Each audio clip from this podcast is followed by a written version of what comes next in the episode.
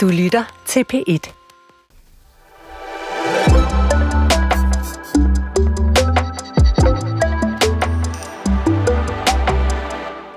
Der var en gang, hvor fremtiden var sådan noget med flyvende biler, onde robotter og rummad i tuber. Nu kan en drone være din næste taxa ud til lufthavnen, en velfærdsrobot din gamle mors mest kærlige sosu, og faktisk kan man allerede i dag sætte tænderne i en ribeye-bøf, der aldrig nogensinde har siddet på en ko. Her på Fremtiden på P1 er vi nysgerrige på alt det nye. På den fremtid lige om lidt, hvor alle de opfindelser og tanker og teknologier, der stikker næsen frem i de her år, er en del af vores hverdag. I løbet af den næste time skal vi tale om en af grundpillerne i vores samfund, og faktisk også en, som jeg selv nærer mange varme følelser for. Det er skolen. Jeg synes, skolen har lært mig utrolig meget mere end at læse og skrive. Der var jo en gang, hvor den, øh, har jeg hørt i hvert fald, var sort. I dag er den heldigvis noget mere farverig. Spørgsmålet er så, hvor på farvepaletten vi skal hen for at beskrive fremtidens skole. Vi lægger for med at øh, give den kunstige intelligens ChatGPT den opgave at skrive et scenarie fra en skoledag, sådan som den kunne se ud i år 2123, altså 100 år fra nu. Den opgave, vi har stillet den kunstige intelligens, er ret bredt formuleret, og vi bruger den egentlig bare som et afsæt for en samtale med dagens gæster. Eleverne bevæger sig rundt i det store åbne studieområde. Klokken er halv ti, og eleverne er lige mødt ind. Nogle sidder ved borde, hvor de arbejder med holografiske projekter, mens andre samles i grupper for at diskutere og løse problemer. Eleverne er med til at sammensætte deres individuelle skemaer, så de er i kontrol over deres egen læring. De udveksler ivrigt idéer og diskuterer deres interesser. En elev vil gerne fokusere på naturvidenskab og kreativ skrivning. En anden vil gerne dykke dybere ned i matematik og lære mere om bæredygtig teknologi. De begynder at søge efter relevante kurser og projekter ved hjælp af deres teknologiske enheder. Hver elev er tilkoblet en robot, som i stedet for lærere guider dem individuelt igennem kurserne og motiverer dem til at løse deres opgaver. Eleverne samles i aflagen til den demokratiske beslutningsproces. En stor skærm viser de forskellige forslag til kurser og projekter, og eleverne stemmer ved hjælp af deres enheder. Kasper Rungsted, øh, når du hører den her, øh, det her fremtidsscenarie, er det overhovedet, øh, hvad skal jeg kalde fremtidsagtigt nok til faktisk at kunne være en skoledag om 100 år? Det synes jeg er fuldstændig umuligt at sige, og så er det på en måde også lidt mærkeligt gammeldags. Ja. Forstå på den måde, da radioen kom frem, så handlede det jo om, at, at nu kommer radioen, så ændrer det hele sig. øh, og så, det vil jeg ikke påstå, hvis du ser et klasselokale for 100 år siden, ser et klasselokale i dag, er den store forskel computerne. Ja. Og måske lidt forskellige måder at sidde på, men det har man arbejdet med i 100 år. Mm. jeg forstår det heller ikke helt, fordi der er noget med, at de arbejder individualiseret, og det er jo rigtig mange hededrøm. Øh, og så skal de stemme til sidst. Så, så det er også lidt usammenhængende i pædagogikken, vil jeg sige. Men det lyder da meget spændende, at der er nogle robotter, der vil hjælpe en. Det lyder da rart, og det gør de jo allerede. Der er jo masser af skærme i skolen, som, som bliver brugt, og, og computer og så videre. Ikke? Så, så, så man kan sige, at tage det ud i robotter er nok ikke så stort et skridt. Ja. Men det kommer nok til at ske i samspil med lærerne. Ja. Det skal vi snakke meget mere om. Marianne Levinsen, øh, nu nævner øh, Kasper Rungsted robotter øh, i stedet for lærere, eller måske som supplement. Kan du se det for dig? De er der allerede, de er bagsynlige. Så øh, de er der, vil også være der om 100 år. Hvordan det? Jamen, de er der i, uh, i digitale platforme og systemer, læringssystemer og sådan noget, så de er der allerede. Øh, de er der bare ikke i form af sådan en robot. Og der kan godt være, at der kommer en robot, men det er slet ikke sikkert, at den kommer til at lave noget om læring. Det kan være, at den kommer til at rydde op, eller jeg ved ikke hvad. Øh, så øh, det, det er et bud. Ja. Øh, men som Kasper også var inde på, øh, så er skolen en, en, en institution, som måske ikke har udviklet sig så meget ud over midlerne i, for, i formen og fysikken og rammerne. Øh, så øh, man kan i hvert fald diskutere, om, det, om den gør det i løbet af de næste godt 100 år. Ikke? Når den ikke har udviklet sig så meget mere, er det så fordi, at vi fik en skide god idé øh, til formatet der for 100 år siden, eller er det fordi, vi er dødkonservative, når vi udvikler skole? det er begge dele. Mm. Men det er også fordi, skolen er the heart of the community, som det hedder. Det er også fordi, at det er vigtigt for os at have sådan nogle fællesskaber, vi mødes i, mm. øh, hvor vi bor. Er vi uopfindsomme, eller øh, konservative, eller er det bare fordi, vi har ramt lidt med den form, det har? Der, men der er masser af, af forskellige udviklinger, og du kan også se under corona-epidemien, så er folk også ude af døren. Øh, så på den måde synes jeg egentlig, man er ret hurtigt til på skolerne at omstille sig til andre ting. Men der er ingen tvivl om, den her hede drøm om, at nu er det slut med klasselokalerne. Altså det, det er sandsynligvis en rimelig dårlig idé. Der skal ligesom være et centralt sted at gå hen og føle sig hjemme, altså en skolestue. Mm. Mm. Og derfra kan man så gå ud og gøre forskellige ting, og det har man jo eksperimenteret med i 100 år, og måske især siden 70'erne. Lad mig lige præsentere jer ordentligt, inden vi øh, går videre. Nu nævnte jeg bare jeres navne. Kasper øh, Rongsted, øh, vi begynder lægger for med dig. Det var dig, der talte først. Øh, Kasper Rongsted har i mere end 30 år beskæftiget sig professionelt med undervisning, læring og motivation. 10 år som lærer, de seneste 20 som skolekonsulent og i dag som direktør og undervisningskonsulent hos det, der hedder Verdens Bedste Danske Skole, som er et firma, der holder foredrag og laver forløb, og i øvrigt også deltager jo i den politiske debat om folkeskolen, samt nordicschools.com. Du er også forfatter, øh, Kasper Rungsted, øh, til flere bøger, blandt andet en med den mundrette titel Verdens Bedste Lærer. Meget, øh, meget udmærket afsæt for, for noget, vi skal tale om i dag hjertelig velkommen i hvert fald. Tak. Nu lægger vi lige for øh, med, med dig, og så kommer jeg med en nærmere præsentation af Marianne Levinsen lige om et øjeblik. Kan du ikke lige øh, tage os med tilbage til, ja, hvornår var det, slut 70'erne eller sådan noget, hvor du blev præsenteret for en helt nytænkende og innovativ måde at lære på. Og jeg kan lige sige helt personligt, jeg rukker, så jeg kender meget til den her måde at lære på. Det er nemlig det, der hedder gruppearbejde. Hvad tænkte du, da du blev præsenteret for det? Ja, gruppearbejde og endda også projektarbejde. Projektorienteret Jamen, øh, gruppearbejde. Problemorienteret projekt- og gruppearbejde. Ja. Lige præcis. Vi blev introduceret til en ny lærer, der hed Michael Toft, ja. som udover at være en meget flot mand, også havde en meget dyb stemme, og så havde han en Nimbus motorcykel, så allerede der var vi dybt fascineret i 5. klasse og stod med åben mund og så på den her mand, der ankom med sin dyb stemme.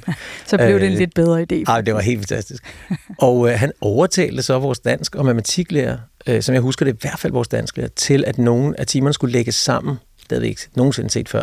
Og der skulle man så lave projektarbejde. Og der var vi på det, der i dag hedder Skolen ved Søerne. Og der, den hed dengang Niels Ebbesen skolen. Og så sagde han, og byen skal hedde Ebbetown. Og det var vi modstandere af. Så noget af det første handlede om at, at gå ind i det der med, nu må vi gerne have lov til at være medbestemmende. Og argumentere for, argumentere, hvorfor det var en dårlig og så skulle vi stemme, og så kom den til at hedde det meget modenrette Sirup.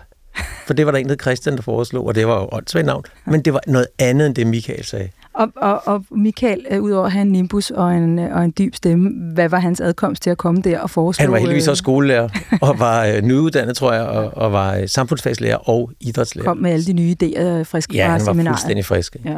Og vi, og, Hvorfor var det egentlig så revolutionerende at, at komme og foreslå projektgruppearbejde? Jamen, hvis man kiggede ind i undervisningen dengang, så sad vi to og to ved bordene for det meste, øh, og en lærer underviste, og så blev der lavet opgaver, der blev lavet masser af revolutionerende ting, som for eksempel, at man hos Vinter kunne få lov til at sidde i kvarter, øh, det sidste kvarter time og lave sine lektier, og få hjælp af hinanden osv. Altså, der, allerede det, der, der har altid været alt mulige eksperimenter i skolen. Mm. Det var et af dem.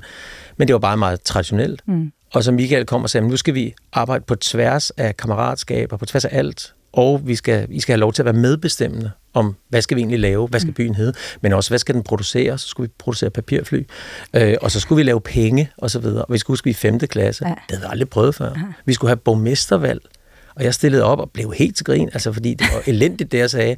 Men Lene, den kloge, fornuftige pige i klassen, hun blev valgt. Alle stolede på Lene, så hun fik alle stemmerne, og sagde også mig, fordi vi var så betaget af, at hun var så veltalende. Kasper, det er lidt tankevækkende. Det var dig, der blev skolelærer. Jeg, tror. det er, øh, det, jeg sluttede jo også som skolelærer, skal vi huske. Til, øh, det er længe siden efterhånden. Mm, der skete rigtig meget i de år, og, der, og det var også et af de øh, tidspunkter, øh, selvom man havde fået lov til at lave lektier i slutningen af her, hvad hed han, Vinters, her vinter. øh, her Vinters øh, timer, øh, så, så skete der rigtig meget lige der i, i slutningen af 70'erne. Der kom nogle revolutionerende idéer ud fra, altså blandt andet seminaret og fra, fra de nye universitetscentre. Mm, men går, hvis vi ser udviklingen inden for skolesystemet, og sådan lidt bredere hen over de sidste 100 år, vil du sige, at det er en, øh, en institution, der udvikler sig relativt hurtigt eller relativt langsomt? Jeg synes, altså hvis vi taler om alle skoler, hvilket er helt barnagtigt, men, men det kan vi godt sige, alle skoler, så må sige, det der er helt vildt ved Danmark, det er, at vi har flest folkeskoler, men så har vi også efterskoler, men vi har også friskoler og privatskoler. Så der er jo masser af eksperimenter og forskellige former for læring øh, rundt omkring i landet. Ja. Og det vil sige, her hvor vi sidder ude på Amager, er der jo inden for 5-10 km sindssygt mange forskellige former for skoler, som man kan vælge, og det er endda også støttet af staten. Mm. Det er helt formidabelt. På den måde har vi en stor mangfoldighed. Men, men den stor store, brede folkeskole, ja. øh, udvikler den sig, er den konservativ, vil du anskue den som, den, eller, eller er, den, er den super omstillingsparat? Jeg vil sige, at den enkelte lærer bliver nødt til at være omstillingsparat, mm. fordi der er jo også et politisk pres i forskellige retninger, og der er også nogle forskellige øh, altså forskellige ting, der sker politisk. Så spørger jeg lige en gang til. Ja. Følger skolen med tiden? Det var rigtig politisk svar jo. Ja. Øhm, ja, men den er altid lidt bagud, og mm. det tror jeg også, den skal være, sådan så den ikke bare øh, tager imod det nye og siger, at nu skal vi det her alle sammen, mm. men at den faktisk er langsomlig i sin omstillingsproces. Det tror jeg er meget, meget sundt. Ja. Min anden gæst i dag øh, er, som øh, fortalt, Marianne Levinsen, som er forskningschef hos Fremforsk, som er en analysevirksomhed, en øh, fremtidsforskningsvirksomhed, øh, og øh, i øvrigt Kansk Jan Pol, som baggrund ikke er skolelærer, men øh, Kansk Jan Pol. Øh, også forfatter, blandt andet til en bog, der hedder Syv Generationer, værdier, forbrug og levevis nu og i fremtiden, som handler om øh, blandt andet de teknologier, begivenheder og samfundsforhold, der har været med til at forme os som mennesker og som jo øh, går lige lukket ned i det, som vi skal tale om i, i dag.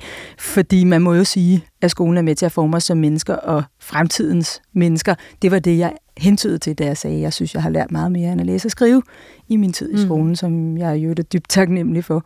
Hvordan husker du egentlig din skolegang? Øh, det var lidt speciel, for jeg startede på en øh, landsbyskole, hvor vi kun var syv i klassen det første år. Vi var 55 elever i alt i klassen, og så kom jeg op i en, en klassisk 70'er skole, som alle i forbindelse med kommunalreformen blev det de her store, store øh, skoler og samlinger mm. af, af eleverne. Øh, og der kom jeg op i den der store skole, og øh, synes faktisk, det første år var ret redselsfuldt. Fordi jeg kunne ikke finde rundt. Øh, og jeg var bange for at blive væk. og der var tre og fire spor. Og ja, og der var rigtig mange ting. Øh, og så lærte jeg noget at falde til efterhånden, men det var et stort skridt for mig. Øh, det der med at komme op i sådan en stor skole der. Ja. ja. Op i Hammel øh, og gik i en lille landsbyskole først. Men hvad var definerende, synes du, øh, i forhold til at gå i skole dengang? Altså for det første var det definerende, kede mig rigtig meget. Men jeg havde nogle få fordi gode du var, Fordi du var for dygtig, eller øh, det ved bare fordi du var dårlig undervisning? Nej, jeg var nok dygtig. Jeg var nok kvik. Jeg syntes, at jeg ja. kunne nå det hurtigere, end, end jeg skulle sidde så mange timer. Ikke? Mm. Men, men, øh, men jeg havde også øh, Fumari Krav, som en af, var en af dem, der sådan var udslagsgivende for mig, øh, til dansk og tysk og latin. Øh, og nogle fag, som jeg var rigtig god til. Øh, og hun var sådan, hun var på mange måder et ikon øh, for mig, også ja. som, som person og som ja. lærer. Ja. Øh, så det var meget, det var noget af det, der øh, gav mig mod på øh, at læse og også læse videre. Og jeg havde Bente Barfod, der lærte mig at læse, og, øh, og Karen Jørgensen, der lærte mig matematik. Hun var skrab, men hun var delmedygtig, og hun fik mig til at tro på, at jeg også godt kunne matematik, selv når jeg troede, jeg ikke kunne. Og på den måde er det interessant, at vi alle tre nu, fem minutter inde i programmet, har nævnt navne på lærere, mm. som har betydet rigtig meget, fordi det er jo interessant, når vi skal kigge på fremtiden, især hvis ChatGPT er ret i, at øh, den fremtid kan rumme lærere, som måske ikke nødvendigvis har et, øh, et, et navn af den slags, vi er vant til, men måske mere noget med APKT, øh, ChatGPT eller, eller andet. Øhm, hvad skal en skole kunne? Hvad er det, vi skal tage med os fra skolen, Marianne? Altså, sådan overordnet set, så plejer jeg at sige, og det er jo ikke noget, jeg sådan har, har det er bare noget, jeg selv er kommet frem til, kan man sige, og få min fritid. Øh, den skal sådan set give børn øh, livsglæde og livs, livslyst og lyst til at lære. Det er sådan mm. set det allervigtigste for skolen. Mm.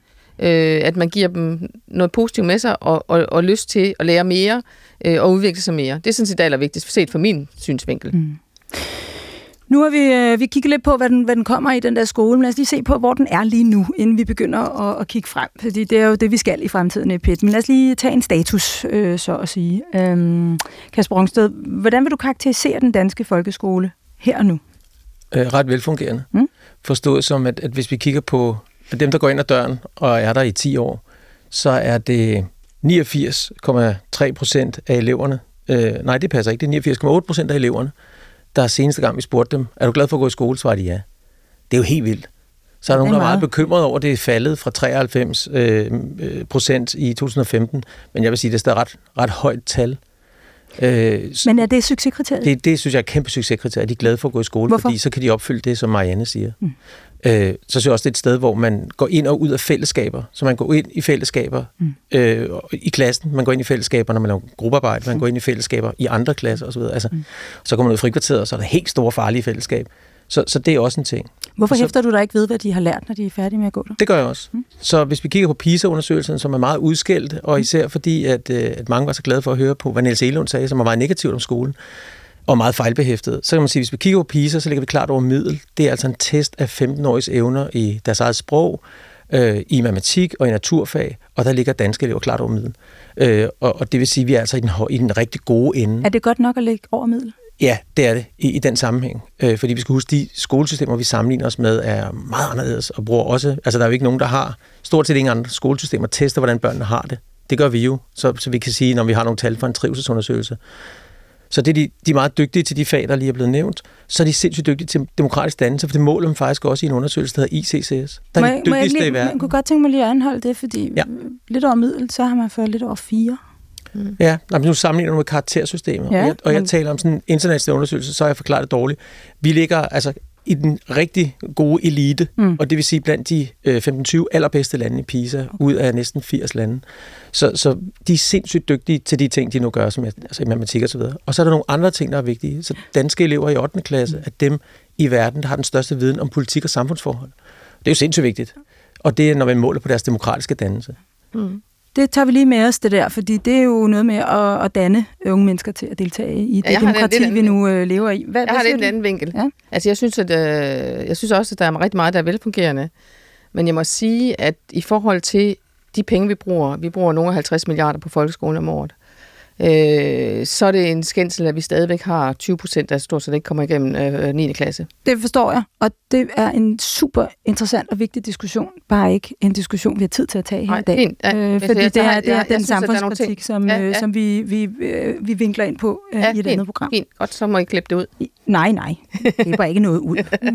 vi, vi, vi definerer bare lige rammerne for, for Så samtalen. jeg synes, der er nogle Til gengæld vil jeg spørge dig, hvad ser du som den største ændring, altså hvis du ser på, øh, på den måde, vi, vi øh, underviser eller beskæftiger os med læring, hvis jeg skal sige, tage den vinkel på det, øh, der er sket i løbet af de sidste 20 år i folkeskolen? Altså, den største forandring er jo helt klart øh, den, den lovgivning, der kommer ind i nullerne omkring den individuelle tilgang, både fagligt, socialt og personligt, til eleverne, og også til børnene i daginstitutionerne. Det er en af de største revolutioner, der er sket på skoleområdet i forhold til tidligere, hvor det var meget mere, øh, den enkelte skal tilpasse sig kollektivt og institutionen og sådan noget. Så der er en, det er en kæmpe koldbytte, kan du sige, sådan rent øh, tilgangsmæssigt. Hvordan, hvordan har det øh, ændret på alting? At man Det har ændret på, at, øh, at, at børn faktisk øh, bliver set på som små øh, demokratiske individer, og som man skal gå forskelligt til. Øh, og man skal på en eller anden måde støtte øh, og udvikle forskelligt. Så, så øh, den, den lille, øh, lad os sige, 10-årige Marianne, der havde lidt nemt ved at læse, og synes, det var lidt kedeligt at gå i skole, ville i dag øh, blive håndholdt lidt mere, og måske få nogle flere udfordringer hen i skolen. Måske. Måske. Måske. Måske. Ja. Det vil i hvert fald være en anden tilgang. Ja. Ja. Man vil ikke få så meget skæld ud for ikke at passe, øh, for at være anderledes, eller Nej. øh, for sin individualitet. Den, den, er, den er anderledes, end da jeg selv gik i skole i hvert fald, vil jeg tro.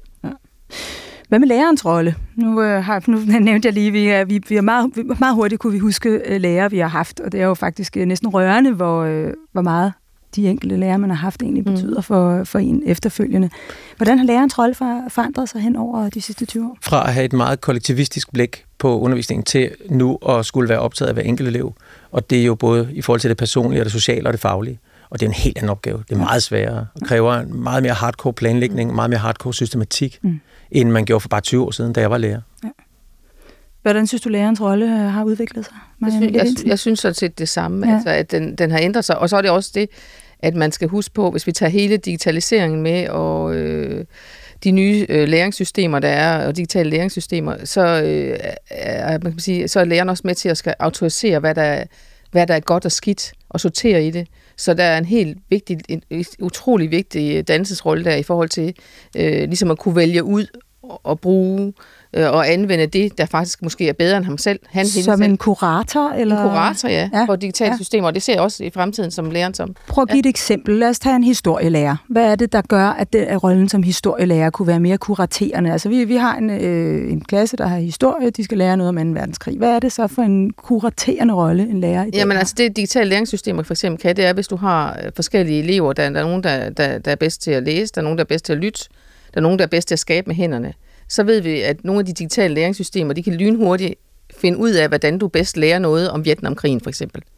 Øh, og så tilpasse det materiale, de præsenterer for dig, ja. øh, til den måde, du faktisk lærer bedst på. Det er det, den interaktion, der er mellem mennesker og, og robot, selvom det ikke er en robot-robot, men selvom det er et læringssystem. Ja. Så, så der er der noget der, hvor, øh, hvor man kan sige, robot, robotsystemerne faktisk kan mere individualisere indlæringen, ja. end en lærer kan nogle gange. Og, og hvad bliver lærerens rolle så i den sammenhæng? Det er jo at finde ud af, hvad, hvad, hvad de gode systemer er, ja. og hvor der er nogen, der faktisk kan noget andet eller noget mere end en selv. Ja og justere, hvis nu ja, ja, øh, den ja. tror, at den elev er... Men der er, stadigvæk en lærer, ja. der er jo stadigvæk en lederrolle i lærerrollen. Den, den forsvinder ikke, for mig, set fra min synsvinkel. Og man kan sige, at der var en historisk ting i 70'erne, hvor man sagde, nu skal vi skrue ned for den sorte skole og den her meget dominerende lærer. Og det synes jeg, det var måske til 15 år. Så er vi tilbage nu ved, ved den stærke klasseleder, som, som kan styre, men som også godt ved, at der skal sættes andre processer i gang, end selv at være på. Så 49 procent af eleverne ja, altså tid, der, der arbejder de i grupper, siger OECD, og altså, i jeg, Danmark. Jeg kan, jeg kan sige, at jeg har givet lederkurser til skolelærer. Øh, når jeg ikke sidder og er vært på P1, så laver jeg noget andet som kommunikationsrådgiver, og, øh, og det er faktisk en, øh, en ting, jeg har på hylden. Så det, det er en ting, at man anskuer det som en, en leder, der skal ja. udføre en, en opgave. Og vi skal huske, den, i den rolle, i lærerens rolle, var det tidligere sådan, forældrene nogen, der forstyrrede en gang imellem sjældent. I dag er forældrene meget mere en del af, af pakken, og så kan man klage over det og sige, sådan er det jo.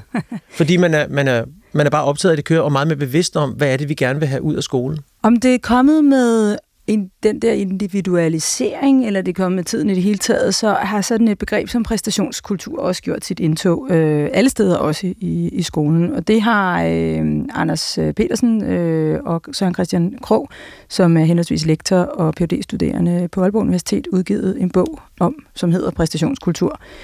Øh, og har argumenteret de for, at samfundet er gennemsyret af præstationskultur, og skriver blandt andet, Konkurrence er et bærende element i præstationskulturen, og konkurrence deler folk op i vindere og tabere.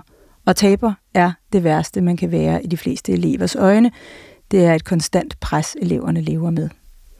Det kan man jo godt genkende, når ja, man folk, altså børn kan blive meget, meget, meget kede af det og stresset, øh, hvis ikke de øh, får de karakterer de, øh, og den feedback, de gerne vil have.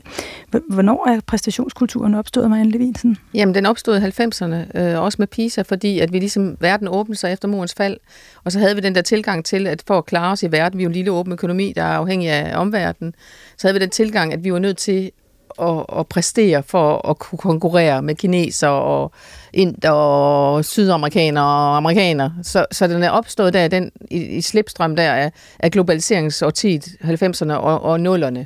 Er det, kun, er det kun dårligt, Kasper Rangsted? Nej, jeg vil sige, som gammel håndboldtræner igennem 15 år, var det jo vidunderligt at præstere i fællesskab. Øh, og jeg synes da også, det, det, det er jo en del af, at menneskelig natur at præstere, men, det, men problemet er, når vi begynder at sammenligne os, og hvis vi bare holder fast i det med PISA, så da PISA kom, vi tilmeldte os PISA, tror jeg, i 2003, det var Margrethe Vestager, mener jeg, der skrev under på det, øhm, og så er vi en deltager, og så pludselig så handler det om sammenligninger. Hvorfor er vi ikke nummer et? Og så pludselig om, så skal vi have flere matematiktimer. Mm. Jamen, hov, hvad med samfundsfag? Jamen, det skal vi ikke have, det mål at være sikker på. Så der bliver præstationen problematisk, både i forhold til skolepolitik, men selvfølgelig også i forhold til det almindelige skoleliv. Mm. Hvis, hvis den værdi, der er i en skole, at vi skal præstere for at være sammen, så er det et kæmpe problem. Mm. Og det er det heller ikke i den danske folkeskole. Der er jo netop, synes jeg, en ekstremt stærk fokus på fællesskabet. Ja. Og det er altså ikke forsvundet, selvom der er nogen, der bilder sig det ind. Det er helt forkert. Og det er der ikke nogen forskning, der siger, at det er forsvundet.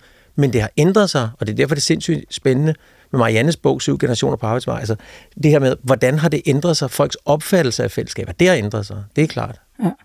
Er det noget, vi skal... Øhm, altså, man, nu siger du, der er meget fællesskab. Vi har også nogle generationer, der kommer nu, hvor man siger om dem, at, at de er jeg tror, man siger to nøglebegreber omkring dem, øh, siger Emilia van Havn i hvert fald, som er sociolog. Hun siger øh, sårbarhed og samskabelse. Og, de er, og hun siger også, at de er langt mere fællesskabsorienterede, end nogen generationer nogensinde har været. Og det gælder også 68'erne, hvis man skulle være i tvivl. Er vi nødt til at gøre op med præstationskulturen for at kunne skabe trivsel øh, for de unge? Jamen, jeg tror ikke, vi skal skabe... Altså, det, hver dag bliver der jo skabt trivsel for unge i den danske grundskole. Så, så, så jeg, jeg, jeg synes, vi skal holde fast i, at fællesskabet er vigtigt, og at fællesskab tager tid.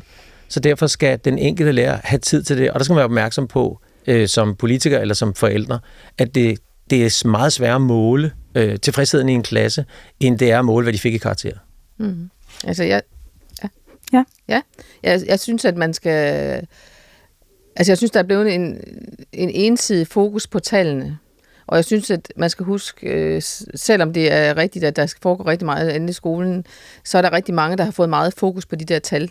Øh, og det, man skal huske, det er, at menneske, øh, små børn og unge mennesker, de er, øh, de er forholdsvis øh, plastiske. Og derfor er det vigtigt, at de oplever, at de bliver anerkendt eller øh, får bekræftelse på andre måder end via tal. Øh, så på mig er det, er det, er det noget af det, man, man er nødt til at arbejde med, og man er ved at, at tage hul på nu. Og øh, med det, så synes jeg, vi skal begynde at kigge lidt mere. Nu har vi talt lidt om det her rene, hvad kan man sige, skills, man lærer i, mm. i skolen, men der er også øh, et meget stort element af det, man kan kalde dannelse. Du lytter til Fremtiden på P1, hvor vi i dag taler om, hvordan fremtidens skole kommer til at se ud. Med mig i studiet er direktør og skolekonsulent hos verdens bedste danske skole, Kasper Rongsted, og forskningschef hos Fremforsk og kendt Pol, Marianne Levinsen. Nu kigger vi øh, lidt længere ud i fremtiden og tager også det begreb, der hedder dannelse med ind i, øh, i vores tale at snakke om, hvordan øh, øh, skolen skal se ud. Jeg har faktisk en lille anekdote, jeg kunne tænke mig at fortælle. For nogle år siden øh, havnede jeg i en øh, taxa med Marianne Hjelved.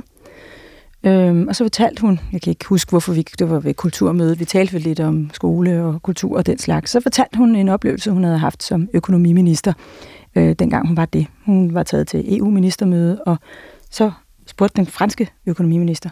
Det var dengang, vi var, der var øh, krig i øh, eks-Jugoslavien, og de danske tropper var ligesom udsendt der som fredsbevarende styrker. Og han sagde til hende, hvad er det, I gør ved jeres unge mennesker? Jeres soldater, de er de allerbedste. De, øh, når de skal have repareret en bil, så øh, ja, de andre soldater vil rekvirere en eller anden mekaniker øh, hjemmefra. Men det gør jeres soldater ikke. De går ned og finder en lokal. Og på den måde, så, ja, og så hyrer de ham, og så reparerer han jeepen eller bilen, eller hvad det skulle være. Og det kan vi jo se, det har jo en kolossal betydning for samarbejdet med lokalbefolkningen. Men hvor lærer de det? Og så strålede Marianne Hjelved derinde i taxaen, som jo er radikal selvfølgelig, og, og gammel skolelærer selv. Og så sagde hun til den franske økonomiminister, det er det, man lærer i den danske folkeskole. Og, og, og var selvfølgelig tydeligt stolt. Og det var en det var, det var fint at se øh, et menneske være så stolt af, af netop det, og jeg kan jo godt genkende det, hun siger. Øhm, men det er jo noget med en dannelse ind i at være demokratiske væsener, Marianne Levinsen. Vi talte om det øh, lidt før. Hvor, hvorfor, øh, hvorfor, er det, øh, altså, hvorfor er det skolens opgave? Hvorfor er det ikke hjemme i familien, man lærer det? Oh, men det er både skolens, men det er også andre steder, man lærer det. Men der er, vi er jo en, en stor mid, homogen øh, masse i Danmark, øh, en stor middelklasse, og vi er vant til, at vi nemt kan gå til hinanden og, og bede om hjælp. Og derfor agerer vi også sådan ude i verden, som om at vi nemt kan gå til hinanden. Vi er ikke et, et stærkt klassesamfund, som det franske for eksempel, øh, som jeg kender rigtig godt. Så derfor så, øh, så så det, der sker noget vigtigt i, i forskellige sociale fællesskaber. Herunder skolen, øh, kan skolen være en meget vigtig del af det, fordi vi møder nogle andre, men, men vi ved jo også i dag, at vi bor segregeret. Så, så vi møder ikke måske helt så mange forskellige mennesker, som vi gjorde i den gamle folkeskole øh, fordi folk klumper sig sammen. Mm. Mm. så øh, man kan sige, at demokratisering er også... Øh, er måske, det er rigtigt, at vi bliver mere demokratiske, vi er mere rummelige i skole, fordi vi skal samarbejde og være sammen med mange forskellige mennesker, men færre end for 40 år siden. Kasper Ongsted, hvad, hvad ligger der i at være et, øh, et demokratisk væsen? Det store dannelsesideal herhjemme, det er jo selvstændig tænkning. Øh, og jeg arrangerer skolebesøg og, fra skolefolk fra udlandet, og når vi så kommer på en skole, så det første ting er, at de er jo rystet over, at man bare kan gå ind Altså når du besøger en skole i England, så skal du have visitors badge, og jeg har været på mange skolebesøg i England, og hvis man er heldig, får du det visitors badge, hvor du gerne må gå på toilettet selv. Men jeg har været rigtig mange på, skole, på skolebesøg i England, hvor jeg skal, have, jeg skal følges på toilettet. Altså af bare for at sige... Af sikkerhedshensyn. Af sikkerhedshensyn, mm. fordi jeg er åbenbart meget farlig. Mm. Øhm, men i Danmark er vi så vant til at uddelegere ansvaret. Øh, og her taler jeg ikke om ansvar for egen læring, jeg taler om medansvar for egen læring, og taler om, så eleverne, vi stoler på som lærer, Nå, det kan de godt finde ud af. Mm. Skal nok finde ud af. Og så kontrollerer vi selvfølgelig, at kører det, som det skal. Så vi er ikke bange for at slippe taget i dem. Og det vil sige, at den undervisning, der foregår i skolen, øh, sikrer den her selvstændige tænkning. Og vi er rigtig gode til at lave processer altså gruppearbejde, som måske er det mest kendte, men det kunne også være projektarbejde, det kan også være alt muligt andet, selvstændig opgaveløsning, hvor de skal enten samarbejde om det, eller hvor de får lov til at tænke selv, og der bliver tid til at tænke selv. Mm. Øh, et billede på det fra England er øh, en, en lærer, jeg så, sætte sin elev i gang med at klippe noget, skulle de hver for sig at klippe. Så gik hun rundt og fortalte hver enkelt elev, hvordan de skulle klippe. Altså, det ville aldrig ske i Danmark. Nej. Og det er et banalt eksempel, men alligevel, øh, synes jeg, viser, at vi stoler på, at eleven selv finder vejen, og vi ved godt, at det tager længere tid, men det tror vi brændende på, og det er jo det, Marianne Hjelved, som i øvrigt sammen med Margrethe Vestager fik os ind i PISA i 2003, ja. og jeg er kæmpe fan af Marianne Hjelved, men lige det var en stor fejl. Men Marianne Hjelved har fuldstændig ret i, i, i den betragtning, at det er det, de bærer med sig videre. Lad os, øh, lad os lige øh, kigge øh, lidt, lidt fremad øh, i den samfundsudvikling, vi har. Vi, vi fastslog i starten af udsendelsen, at skolen måske øh, er, er reaktiv i forhold til, hvordan samfundet bevæger sig, og det skal den måske også være. Den skal måske ikke være den, der får samfundet til at bevæge sig i en retning, men respondere på, ja, respondere på den udvikling, der er. Er, er det den rigtige vej at gå så? Altså er det noget, vi skal have så stor vægt på at skabe små demokrater, øh, som kommer ud af 9. klasse og, og, og, og har fået den form for dannelse med sig, Marianne Levinsen? Ja, det synes jeg er meget vigtigt, øh, og det er jo en proces, der er allerede i gang. Men, men, øh, men børn har jo ikke så mange rettigheder i skolen, som, som de har for eksempel i sundhedsvæsenet og sådan noget, så man kunne godt gøre det bedre. Øh, man kunne godt øh, gøre dem mere ansvarlige øh, for, hvad der sker, og hvad der er ting, der skal ske. Mm. Øh, ser, som jeg ser det udefra i hvert fald mm. i dag. Uden at komme i folkeskolen så meget. Jeg har fire børn i folkeskole. Øh, så så øh, synes jeg også stadigvæk, at institutionen nogle gange meget overruler øh, det, enkelte, ja. var, det enkelte individ. Øh, så, så jeg kunne godt se, at man faktisk var meget mere demokrat, blev meget mere demokratisk dannet, end man oplever. Mm. Mange oplever også i folkeskolen, at man siger, at man skal uddannes til demokrati, men, men man skal bare alligevel meget tilpasse sig, hvad der sker. Ja. Så man oplever mange børn og unge ja. det også. Ja. Øh, det, så, det, det er der ingen tvivl om, at, øh, at børn og unge Der er mange, der oplever det, at, at, at skolen stadigvæk er, er, er lidt en... En autoritet. Ja, også en, en... Det er jo derfor, at nogle unge, når de kommer på efterskole, at de oplever, at der faktisk er en helt anden interaktion med de mm. voksne og lærerne. Mm. Mm. Øh, fordi der kan de bedre være i en, der bliver de mere, der er også nogle andre ressourcer, det ved jeg godt, men mm. der er en anden dialog mm. mellem lærer mm. og, og, og eleven. Er det, er, det en, øh, er, er det et problem i forhold til, nu, nu lad os se på de her unge, de skal ud på et arbejdsmarked på et tidspunkt, som har en anden karakter, end det havde for, øh, for 20 eller, eller 30 år siden. Er det, er det godt eller skidt, at, øh, at man har haft autoriteter, eller, eller har haft nogle voksne, som bestemmer mere end, end børnene, i forhold til at skulle ud på det arbejdsmarked, vi har i dag, tror du? Det er jo ikke entydigt, vel? For der er også nogle gange nogen, der skal træffe de beslutninger, der, fordi man ikke ved bedre, kan man sige. Men der er ikke altså, noget her, der er entydigt, men nej, sådan er det store nej, men hele. i det store hele er det, er det godt, når der er argumenter og, de, og, og, og, og, og, og forklaringer bagved. Og så nogle gange skal det selvfølgelig bare... Man skal også huske, at øh, jeg har meget respekt for lærer. Jeg har selv undervist nogen i 7. klasse. Altså, der, der er øh, 28 lopper, ikke?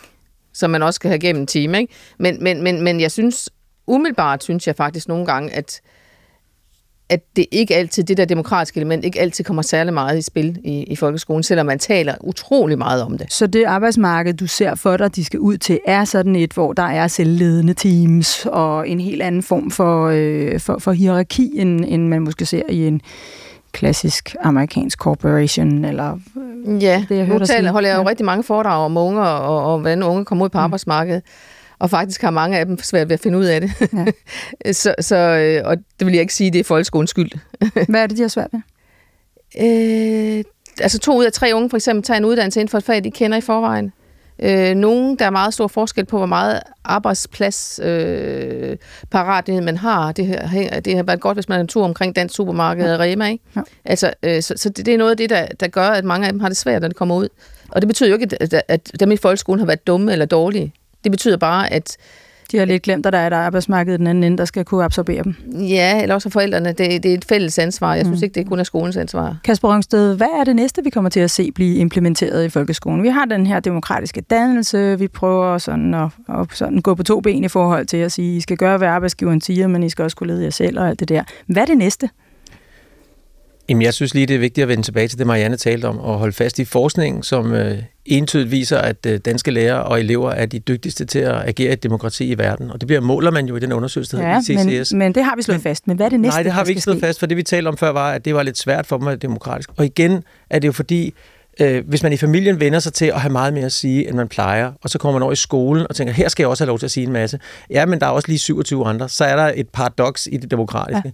Ja. Men men klasserummet er det mest åbne og frie overhovedet, den undersøgelse viser. Så, så det er bare lige for at holde fast i, at kvaliteten efter min mening er meget høj i forhold til at blive demokratisk dannet. Så vi, vi, vi kan stadig det der, der hedder, vi taler også til rette, fordi det er faktisk noget, det ja, vi er gode til i det og her Og også selvstændig tænkning, som er en anden del af det. Men hvad er det næste? Jeg tror, det næste er samspillet, og det er desværre, øh, der blev skrevet en opgave for nogle år siden, der hed, øh, hvordan får vi plads til Zlatan i det danske fællesskab? Og det synes knaldgodt, en knaldgod til. Det handlede faktisk om fodbold, ikke? Ja. og de fællesskaber, der er der. Så hvordan kan vi lave fællesskaber, som også rummer øh, individets øh, ret og behov og have lov til at løbe sin vej, så man ikke er tvunget ind i fællesskaber hele tiden. Så jeg tror, vi kommer til at se nogle langt mere rummelige fællesskaber. Og der, hvor ChatGPT har ret, og det er jo skoleformer, der findes, det der bliver nævnt af ChatGPT, det er, at, at den enkeltes behov skal i højere grad tilfredsstilles. Det er de også vant til fra sociale medier og fra, eller fra computer og så videre. Det er vi alle sammen vant til efterhånden. Ikke? Mm. Mm. Så, så jeg tror, at et individualiseret fokus i et fællesskab, tror jeg, bliver absolut nødvendigt. Hvad med, hvad med hele teknologien? Altså, der må være masser af teknologi, der er øh, på vej med, med store skridt ind i, øh, i folkeskolen. Altså, Danmark er jo et af de lande, der har været forrest. Igen kan jeg vende tilbage til en forskning, der hedder ICILS, hvor vi er det dygtigste i verden til at bruge øh, teknologien, men man har også taget tilbage, skal nu have sagt nu, eller lige stoppet op og sagt, måske er der kommet for mange skærme. Jeg har jo den bog med, der hedder Skærme i skolen, som, som fint fortæller det. Så, så som gammel maskinstormer vil jeg sige, altså der er stadigvæk ikke evidens for, at når man bruger en computer, bliver man klogere, hvis man læser en bog. Altså, det er ret interessant, men man har jo i 15 år virkelig været dygtig til at implementere computer, så vi er knaldt gode til at bruge dem. Men jeg tror, vi ser det, som vi talte om tidligere, at computerne bliver, bliver en mere individualiseret del af den enkelte elev, og at man kan lave sine egne kurser. Øh, og det, det tror jeg er helt rigtigt, fordi det findes jo allerede. Men nu startede vi den her udsendelse med at give ChatGPT, øh, som er en ud af mange forskellige kunstige intelligenser, en opgave, nemlig at skrive til nej. Jeg kunne også have sagt, skrive en 9. klasses opgave om øh, kanslergadeforliget i... Mm. Øh, var det i 29, øh, med fokus på, hvad det betød for øh, socialreformen øh, i, i Danmark og Stankes fremadrettet arbejde. Så bum, så var den kommet ud. Jeg tror, jeg skrev sådan en opgave en gang i den alders, mm. øh, i den alders øh, gruppe. Mm, ja, ja. Det, skal, det skal vel, altså det, det er jo en realitet, at vi har den teknologi. Ja. Hvordan kommer den slags til at påvirke øh, den måde, vi går i skole? For vi kan jo ikke tage det ud. Nej, jeg, jeg tror nærmere vi får, altså der er et meget kritisk blik på skærme i Danmark, og det tror jeg, der, der er vi meget langt foran. Altså hvis du bare tager til Tyskland, har de jo nærmest ikke skærme, eller England har de jo nærmest ikke skærme i skolen. Det er lige før, de også har EDB-lokaler, ikke? Hvor her er vi så vant til skærmene, så vi, meget, vi har udviklet en kritisk sans, og det, det, det ved vi også fra forskning, at, at danske lærere er langt mere kritiske, og eleverne er langt mere kritiske. Men, men jeg vil sige, at jeg er glad for, at jeg ikke står og skal løse en opgave lige specifikt med ChatGPT, og, og, og at den kan skrive opgave for en, og så skulle som lærer gennemskue, hvem har skrevet den her opgave. Altså, det, det, kan, det løser jeg ikke. Det er men men, er det, folk, men er det ikke et spørgsmål om at, at, at omdefinere den måde, man, man stiller opgaver frem for jo. at prøve at gennemskue, hvem der har skrevet det? er jo at, at, at kunne demonstrere, at man faktisk kan tænke selvstændigt. Tør du give et bud på, hvordan, øh, hvordan man må få... Altså, nu, nu er vi ude i... i men, men, men tør du give et bud på, hvordan man kan forandre sit blik på, hvad det er for nogle opgaver, der skal løses, velvidende, at der findes en, øh, en kunstig intelligens, der kan være assistent? Jamen, det man skal huske med ChatGPT, for eksempel, jeg tror ikke, man skal være så bange for den på den måde. Altså, der kommer en masse regulering, fordi der, der er en hel masse etik i det her med at vide, hvornår man taler med en computer, hvornår man taler med et menneske og alt sådan nogle ting. Men, men, men man kan sige, øh, som en underviser sagde til mig for nylig, den er rigtig god til at skrive klæder. Og man kan faktisk lære rigtig meget af klæder. Ja. Altså, den er god til at skrive... Nogle af dem, hun underviste nogle unge, det var ikke nogen i folkeskolen, men nogle øh, unge, som har det svært. Øh, de lærer noget om, hvordan man skriver en ansøgning, for eksempel. Ja. Men de skal bare huske din klade. Ja. At de skal selv arbejde med den bagefter, så, så, så man kan faktisk bruge den også til at lære noget. Man skal bare ikke tro, at det er øh, det er sandheden, og der kommer lærerrollen jo ind igen. Altså, øh, selvom om Google nu har lavet den her øh, Bing, altså Google Bing, som også er en chat-GPT, øh, GPT, øh, så er det jo stadigvæk en klage, øh, og det er ikke den PC, som man drømte om for bare 30 år siden, sagde man om, at vi får den her person PC, og så siger du, jeg skal vide alt om astrofysik, så får du alt det rigtige om astrofysik. Mm-hmm. Vi har ikke den, den, den findes ikke endnu. Selvom, selvom den er, det er vildt, hvad den kan, den der, de large... Det, den er jo, man kan, og som vi vil se senere, fordi vi skal nemlig øh, også i dialog øh, med, meget, med den kunstige men, intelligens. Men, men, men stadigvæk er der, er den ikke... Øh, den faktuelle øh, efterkritik, eller hvad du vil sige, eller hvad det er, den, er ikke, den, er, den kan den ikke endnu. Så det er jo den konstruktive vej omkring det at sige, jamen, den laver en klade. Altså, når jeg skal skrive en mail i dag, ja, så, ja. Beder jeg, så beder jeg også en chat, øh, det er så chat GPT tilfældigvis, jeg beder om at lave et udkast, og så ja. retter jeg derfra, og det betyder, at jeg sparer et kvarter. Ja, så, så, så det er nemmere. Så det er ligesom den pragmatiske vej omkring øh, det at integrere øh, teknologien, som du forestiller dig vil være. Ja, og så tror jeg også noget andet. Jeg tror noget andet i forhold til det der, som i forhold til, hvad, hvad, Kasper siger. Jeg, jeg tror, at, at vi kommer til at arbejde meget med at sætte øh, børn og unge mere fri øh, uden for institutionerne. Ja.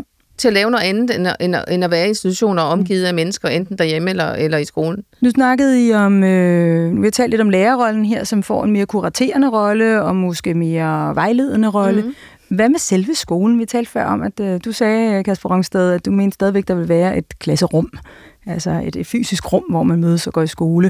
Mm. Øhm, i, på andre klasseniveauer, når vi går ud på ungdomsuddannelserne, på de videregående uddannelser, der taler man i de her år meget om, at man ikke nødvendigvis skal hen i den der bunke mursten, der hedder skolen eller uddannelsesinstitutionen, men at uddannelse kan foregå løbende gennem livet, og det kan foregå ude på arbejdspladser, og det kan foregå alle mulige andre Ja. steder.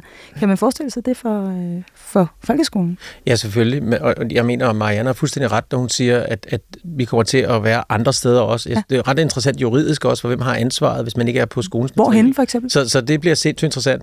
Men, men jeg er ikke, jeg, grunden til at holde fast i det, det er gammeldags med skolestuen, det er så det, der har vi et lille fællesskab i klassen. Det tror jeg er enormt vigtigt socialt, og det, ved, det siger forskningen også, men, ja. men så har vi det som udgangspunkt. Og så kan det være, at jeg er der i dag, det kan også være, at jeg ikke er der i dag. Pointen er, jeg har et sted, jeg skal gå hen, hvor nogen venter, jeg kommer. Mm. Og der er også en brændende formidler, en engageret lærer. Det ved, hvad man lærer mest af. Hvor kunne vi for eksempel, hvor kunne man forestille sig, at man ville gå hen, som ikke var hen i skolestuen?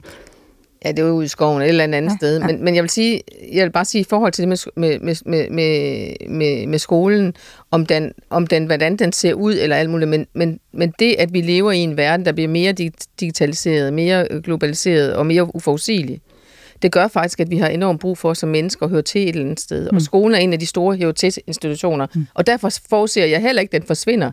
Det kan godt være, at rammerne eller måderne og alt muligt andet forsvinder, men der vil stadigvæk være lidt ligesom familien, et sted, man har brug for. Præcis. Ja, Ja, så som derfor menneske. kalder det en skolestue, fordi det er hjemligt. Ikke? Ja, jo. Så stadigvæk en form for klasseværelse øh, fremover.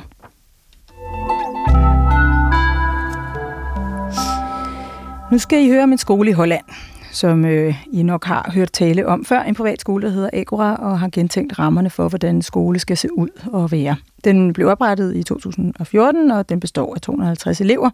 Og eleverne på Agora er mellem 12 og 18 år gamle. Det har ikke sådan årgange, som vi kender det. De har heller ingen klasseværelser eller fag, eller sågar skemaer. Der er heller ikke som sådan lærere, der underviser i bestemte fag, men hver lærer har ansvar for 17 elever. Så en eller anden form for fast fællesskab findes. Eleverne har ansvar for egen læring og skal selv opsøge emner og viden på internettet, som interesserer dem. Hos Agora mener man ikke, at læring skal tilhøre bestemte fag, og den tankegang er med til at understøtte de studerendes frihed. Hvis de for eksempel skal lære om Pythagoras læresætning, ja, så kan den læring komme fra mange andre fagområder og mange andre situationer end lige det strengt øh, matematiske og geometriske. Her skal I lige høre et øh, lille klip med øh, Rob Huben, som er leder af Agora i Holland, som øh, snakker om, hvordan øh, skolen her ser på det at fejle. So we don't protect children from failing. We enjoy them, the pleasure of failing and reflecting on that, because that's what learning should be about. Fail, reflect on it, and learn how to anticipate and try again. For instance, James Dyson, the, the vacuum cleaner guy. Well, I've, I've just read somewhere that he made 5,000 prototypes. If, we, if he would have done that at a school and they gave him a grade for that, he would have stopped after the second one, or maybe earlier. He made 5,000 prototypes. So a school would say 4,999 failures. No, 4,099 um, opportunities to learn. That's what it is, and that's what we should learn children. Don't be afraid to fail. Ja, det kunne øh, næsten øh, lyde som om, det kom fra øh, en startup i Silicon Valley, ikke sandt? Vi beskytter ikke børnene mod at fejle, siger han. Vi påskynder dem i at fejle og efterfølgende reflektere. Og så taler han om James Dyson, ham med støvsugerne, og siger, at han har, så vidt han ved, opfundet 5.000 øh, prototyper. Det kunne han jo godt have gjort på en skole, der havde givet ham karakter, øh, og så havde han stoppet efter nummer to, men det gjorde han ikke. Han havde 4.999 muligheder for at lære, og så virkede nummer 5.000. Øh, og nu sagde jeg, og det står for min regning, at det lyder som sådan noget, man hører fra sådan nogle ivrige startup-fyre over fra Silicon Valley eller omegn. Hvad tænker du om det, han siger her, Kasper Rungsted? Jeg tænker, at vi bor i Danmark. Det er jo fuldstændig formidabelt. Så kan man finde en friskole. Mm. Øh, det vil være sandsynligvis være en skole, der øh, vil abonnere på det der, Ja. som lyder smadret sjovt og spændende. Ja. Synes Og- du ikke, at folkeskolen skal synes- abonnere på det der? Jo, det gør man også. Der er jo også eksperimenter inden for folkeskolen med projektarbejde, som kan minde om det der. Det er der i Herfølge og i Esbjerg og i Sønderjylland. Mm. Øhm, så med altså, hvor det er rent projekt, al undervisning er projekt, mm. eller det, han skitserer der. Ikke? Der tror jeg nu nok, man har klasseovergange. Men, mm. men pointen er, det findes allerede, det der bliver talt om der. Måske ikke i den ekstrem, og heller ikke kun for 12-18-årige, men faktisk helt fra 6. klasse op til 10. Ikke? Men hvad med sådan noget, Marianne Levinsen, som at øh, der, er- man kan stave rigtigt og forkert, og 2 plus 2 kan kun være 4. det kan ikke være 6, uanset om, om man så er Dyson og skal opfinde en støvsuger. Så, så det, det bliver en dårlig støvsuger, hvis ikke man har forstået, at 2 plus 2 er 4. Hvad synes du om, om den her form, hvor man ikke siger, at der er noget, der er forkert, men bare siger, ej, hvor var det flot, at du reflekterede over, hvad 2 plus 2 var. Jeg siger, at øh, der er allerede sket noget i forhold til unge for bare 20 og, og, og 30 år siden, at de faktisk ikke er så bange for at fejle også, når de, de starter. Der er flere af dem, der starter deres egen virksomhed tidligere og prøver det. Mm. Mm. Selvom de fejler, så siger de, okay, så prøver jeg bare noget andet. Så der er allerede en del af det inde i, i kulturen i dag. Mm. Øh, og jeg tror, vi kommer til at arbejde med at lave sådan noget der, bare ikke som en full scale, men som noget, en del af noget. Ikke? Øh, at øh, det er rigtig sundt at prøve at arbejde på alle mulige andre måder og fejle rigtig mange gange. Mm. Øh, det har de fleste af dem, som enten driver virksomhed eller som er opfinder og også nogle af dem har haft det rigtig svært i folkeskolen, øh, når vi en historie ser på det. Øh, det. Det er en rigtig god ting at blive kastet ud på dybt vand og lære mm. noget og lære noget af sin fejl. Øh, og det gør vi til dels, men vi gør det ikke nok set fra min synsvinkel i folkeskolen. Kasper Rungsted, er det ikke netop i skolen, man skal lære, at 2 plus 2 er 4 og ikke 6, og at der er et A og et B og et C, og de ser sådan her ud, fordi så kan man fejle ved øh, når 4.999 gange i sit forsøg på at opfinde støvsuger, men i det mindste kan man øh, skrive ma- manualen og, og, og, og lave beregningerne for, hvordan vakuumet skal, skal fungere. Jo, de er jo 12 år gamle, dem fra Agora her, Ja. så, så på en eller anden, de, de har jo en eller anden form for basis. Øh, og mere kender jeg jo ikke til det, men, men jeg kan sige, det der foregår i den danske grundskole, altså, og her taler vi altså om alle skoleformer, er jo lige præcis, at man får den basis. Ja. Øh, og, og jeg er også enig med Marianne, jeg, jeg kunne godt tænke mig at se flere eksperimenter. For 20-25 år siden gjorde man det for politisk hold, at, at måske er det 30 år siden faktisk, at man lavede en masse eksperimenter, og det kunne jeg godt tænke mig, at man skulle gøre igen i langt højere skala. Det koster bare nogle penge. Det lyder lidt som om, I ikke tænker, at folkeskolen kommer til at ændre sig meget grundlæggende hen over de næste mange år i virkeligheden. Er det Nej. rigtigt forstået? Ja, Ja. altså folkeskolen er lidt ligesom øh, folkekirken, som plejer at sige. Det ændrer sig med gletsjeragtig hastighed. øh, og det- og det betyder ikke, at der ikke kommer noget godt ind, men noget af det, vi har glemt måske om fremtidens folkeskole, det er jo, hvad beslutter politikerne? Ja. Fordi vores skole er også et produkt af det. Vi startede jo udsendelsen med, med det her øh, lille fremtidsscenarie en dag i skolen ja. Øh, i år 21-23. Øh, nu kommer jeg til at nævne et par af elementerne, som I hørte, og så tager vi sådan en lynrunde på. Mm. om vi tror, at det rent faktisk er blevet sådan til den tid. Og det er bare et ja eller nej. Så øh, vi begynder med dig, Marianne. Er klasseværelser stadig til stede om 100 år? Ja eller nej? Ja. Ja. Kasper Rongsted, får eleverne karakter om 100 år? Ja eller nej? Nej, jeg tror ikke, det gør. Hvorfor ikke? Fordi der har man forstået, at, øh, at det, at de får en udtalelse og noget meget dybere, øh, er langt vigtigere. Er det et udtryk for, at man skal have mere coaching, altså personlig coaching, end at man skal have den der lidt hurtige tilbagemelding? Skolesprog kalder vi det feedback, Ja. så meget mere præcis feedback. Ja. Øh, og, og det ved man også fra forskning, at det er det, der virker bedst, det man kalder formativ feedback. Så Ja. en forklaring af, det var det og det. Det her virkede, og det her virkede ikke, ja. Ja. og prøv at gøre sådan her næste gang. Ja. ja. Marianne Levinsen, øh, går skoledagen i gang kl. 8 om 100 år? Det tror jeg ikke. Nej, Nej. hvorfor? Jeg tror, at øh, det bliver meget mere fleksibelt. Ja, det tror jeg. Plads, Ja. plads til A- og B-mennesker? Ja. Ja. ja. Men altså, vi har prøvet at udrydde industrisamfundet rigtig mange år, men det er der stadigvæk. Det er det. Både i skolen og andre steder.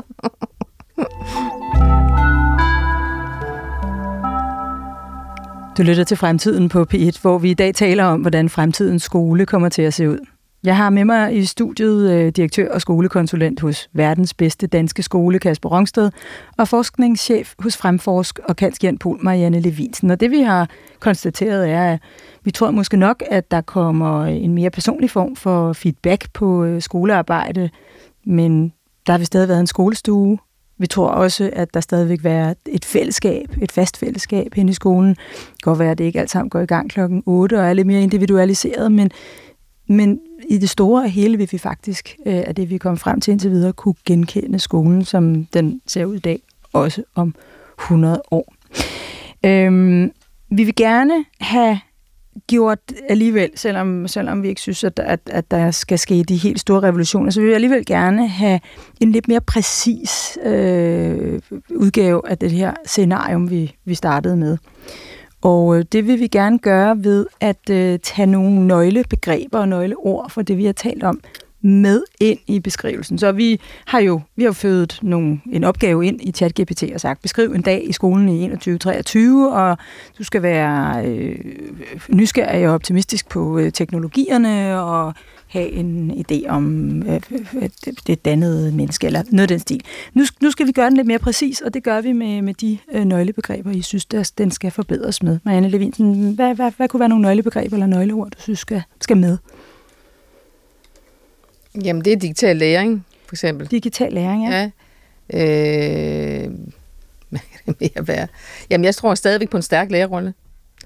Øh, og så tror jeg måske på nogle mere fleksible rammer. Hvis jeg skal sige sådan tre ting, ikke? Og øh. fleksible rammer, det er både tid og sted, sådan set. Tid og sted ja. og øh, metoder. Øh, men det er også det, der nok kommer til at ændre sig allermest, og det, der er sværest at forudsige, det er faktisk alt det, der foregår af læring og undervisning. Øh, og hvordan det, hvordan det foregår, det er det, der kommer til at ændre sig helt vildt de næste 100 år. Og det lyder som om, at der er ekstremt stor fokus i det, du taler om der, på lærerens rolle i virkeligheden. Læreren er altafgørende. Ja. ja. Kasper Rungsted, hvad for nogle ord eller nøglebegreber vil du gerne øh, putte ind i ChatGPT? Fællesskab. Fællesskab, ja. Stærk kritisk sans. Ja. Jeg tror ikke, Trump kunne blive valgt i Danmark. Nej. Så kritisk sans, og absolut også en stærk lærerrolle. Ja, stærk lærerrolle. Og fleksibilitet. Jeg skulle understrege, det med skolestuen handler om, at det er udgangspunktet, ja. og så kan man gøre alt muligt. Ja. Men man har lige et trygt sted at gå hen. Ja. Nu skal vi høre, øh, vi, skal, vi skal også lige øh, vi, vi skal lige sådan prøve at, at, at, at tage lidt spacey briller på og sige, hvad er, det, hvad er det så, der sker om 100 år? Lige om lidt, så får vi øh, uh, ChatGPT's uh, øh, bud. Men hvis nu vi forestiller os, at vi, altså, vi har jo kun lige fået ChatGPT, vi har jo kun lige fået uh, kunstig intelligens ind, og robotterne lader vente på, så de er der ikke endnu. Men lad os kigge 100 år frem og forestille os, at der er robotter, der både kan rydde op, men måske også har en kunstig intelligens og kan være meget tålmodig til at hjælpe lille Lise med at lave spalteregning, eller, eller hvad det nu kan være. Altså virkelig parallelt forskyde den ud i, i, i en meget fjern fremtid. Hvad ser I så for jer der? Jamen, der ser jeg også det der interaktive øh, læringsrum, altså, ja. som er en, en stor flade, du kan trykke på og bede om noget, og gøre noget med, og blive klogere på, og alt muligt andet. Prøv, prøv at gå mere specifikt til værk. Jeg, jeg, hed, jeg er lille Lise, og ja, jeg er 10 Lise, år, og jeg kommer skal, i skole. Hvad skal og, du Og du skal vide noget om, du, det, det, vi kan tage et eller andet historie. Jeg er jo ikke lærer, så jeg er jo ikke sådan, vel, men altså, vi skal, vi skal vide noget om Danmarks historie, eller øh, hvornår grundloven blev til, eller sådan mm. noget. Og så kan jeg sagtens forestille mig, at man går hen til en væg og rører ved noget, og siger, jeg har brug for at vide noget om, hvornår grundloven blev til, og hvordan den blev til. Ja. Og så kan man få den viden. Så, så viden sådan set er til, til stede, og man kan røre ved ene, og man kan røre ved noget andet, og så ja. får man den viden, øh, adgang til den. For på det tidspunkt er der jo sket nogle, nogle kæmpe udviklinger på, øh, hvad der er rigtig, vi kuraterer nu, ja. Men hvis, den kuratering skal på et eller andet tidspunkt også betyde, at det vi så får at vide, det er rigtigt. Ja. Øh, når vi er i, i, det kan være det, der er klasserummets eller klasseværelsens øh, er, det, er, det, er, det, er det noget med, at vi, der skal udmyndning. fokus på, på kildekritikken? Det skal der altid. Det skal der også på det tidspunkt, ikke? Mere ja. eller mindre end i dag? Meget mere. Meget mere. Hvordan gør man det? Det er jo svært. Det er abstrakt. Det er skide abstrakt. Ja. Men, men, men, men hvis vi ser på, hvad der er sket, altså for, i forhold til bare for 10 år siden, hvor vi har automatisering, og nu hvor vi har chat-GPT, især mm. de der large uh, language models og sådan noget, så tror jeg på, om 100 år, øh, så har vi noget, der er meget mere autoriseret og rigtigt, mm. end vi har i dag. Det var lidt med, med teknologien, der kunne være i brug, men det der med at kunne anlægge en kritisk vinkel, og, øh, og, og altså den kritiske sans, kaldte du den før, ikke? Og, og, og kunne lave kildekritik, øh, hvordan øger man evnen til at have kritisk sans over for det, man hører og ser? Jamen, det handler jo også om den bevidsthed om, hvad er det så forskellige måder? Altså for eksempel billedmanipulation. Det går kun en vej, og det er, det bliver så overbevisende, så vi jo tror på det, mm. vi bliver udsat for. Og derfor er det igen en meget vigtig rolle hos læreren eller de voksne, at, at kunne være, lære børnene at være sindssygt, eller de unge til at være, sindssygt kritiske. Så det, det er jeg slet ikke tvivl om, at det bliver kun en sværere opgave. Men jeg tror også, en af de ting, vi ikke har talt så meget om, det er, at teknologien kan hjælpe os med at kommunikere med verden udenfor. Mm. Så en ting er, at jeg kan søge mine informationer, og som Marianne siger, røre ved billedvæg og så videre. Og det er jo super, men det er også en måde at kommunikere med, lad os sige, så er en ekspert på, lad os sige, universitetet, der ved noget om det område, jeg er optaget af, så kan jeg måske komme i kontakt med vedkommende. Og det, det vil jeg sige, det, det kunne jeg håbe for skolen, at man er dygtigere til, og det gælder alle skoleformer, at knytte sig til verden udenfor. Mm. Nu skal I høre, hvad, hvad ChatGPT har af, af fremtidsscenarier, ja. som kan supplere øh, det, som I siger her. I, 2000, I 2123 vågner eleverne op til en spændende dag i den danske folkeskole, hvor lærernes rolle har gennemgået en bemærkelsesværdig transformation. Læreren fungerer nu som en vejleder og facilitator, der er dedikeret til at hjælpe eleverne med at udvikle deres fulde potentiale. Den traditionelle hierarkiske lærerrolle er blevet erstattet af en mere støttende og engagerende tilgang. Eleverne nyder godt af fleksible tidspunkter for undervisning og læring. Traditionelle skoledage er blevet erstattet af en mere individuelt tilrettelagt tidsplan, hvor eleverne har mulighed for at vælge deres egne læringsruter. Dette giver dem en følelse af ejerskab over deres egen uddannelse og mulighed for at fordybe sig i områder, der interesserer dem mest. På trods af den fleksible struktur er fællesskabsfølelsen stadig stærk i den danske folkeskole. Eleverne arbejder ofte sammen i grupper, hvor de udveksler idéer og løser problemer i fællesskab. Samarbejde og social interaktion er væsentlige dele af undervisningen, da eleverne lærer at respektere og værdsætte hinandens forskelligheder. Demokrati spiller en central rolle i den danske folkeskole i 2123. Det var, det var et dejligt scenarie, synes jeg. Var det ikke det, Marianne Levinsen? Jo, men også sådan... Lidt for lyserødt. Der, der er lidt for meget honningkost der, ikke? Kan alle passe ind i den skole? Nej.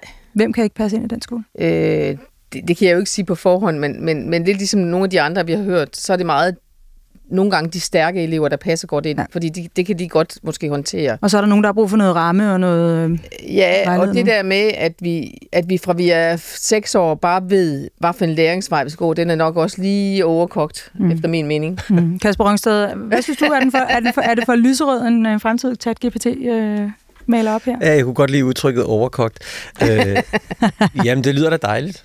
Ja. Det, det, det, Realistisk. Det, jamen, det er et godt spørgsmål. Jeg vil sige, netop de der ydre positioner, og det, jeg vil sige, her til gode ser vi måske både den brede midtergruppe, men også dem, der er super skarpe. Mm. Og så kan vi have et, et problem, siger jeg som gammel specialskolelærer, med dem, der måske har svært ved det. Mm. Øh, men det kan være, og det, det løser vi ikke på den her måde? Det ved jeg ikke.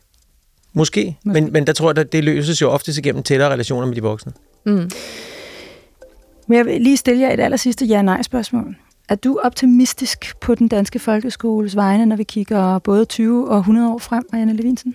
Ja, det er, er jeg. Er du, Kasper Rungsted? Ja, det er utrolig optimistisk. Du har lyttet til øh, Fremtiden på P1, som i dag handlede om fremtidens skole. Tak fordi I to var med, Kasper Rungsted, direktør og skolekonsulent hos verdens bedste danske skole, og Marianne Levinsen, som er Katja Pol og forskningschef hos Fremforsk.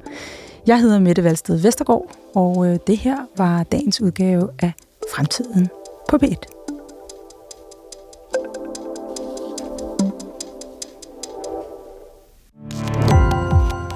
Gå på opdagelse i alle DR's podcast og radioprogrammer. I appen DR Lyd.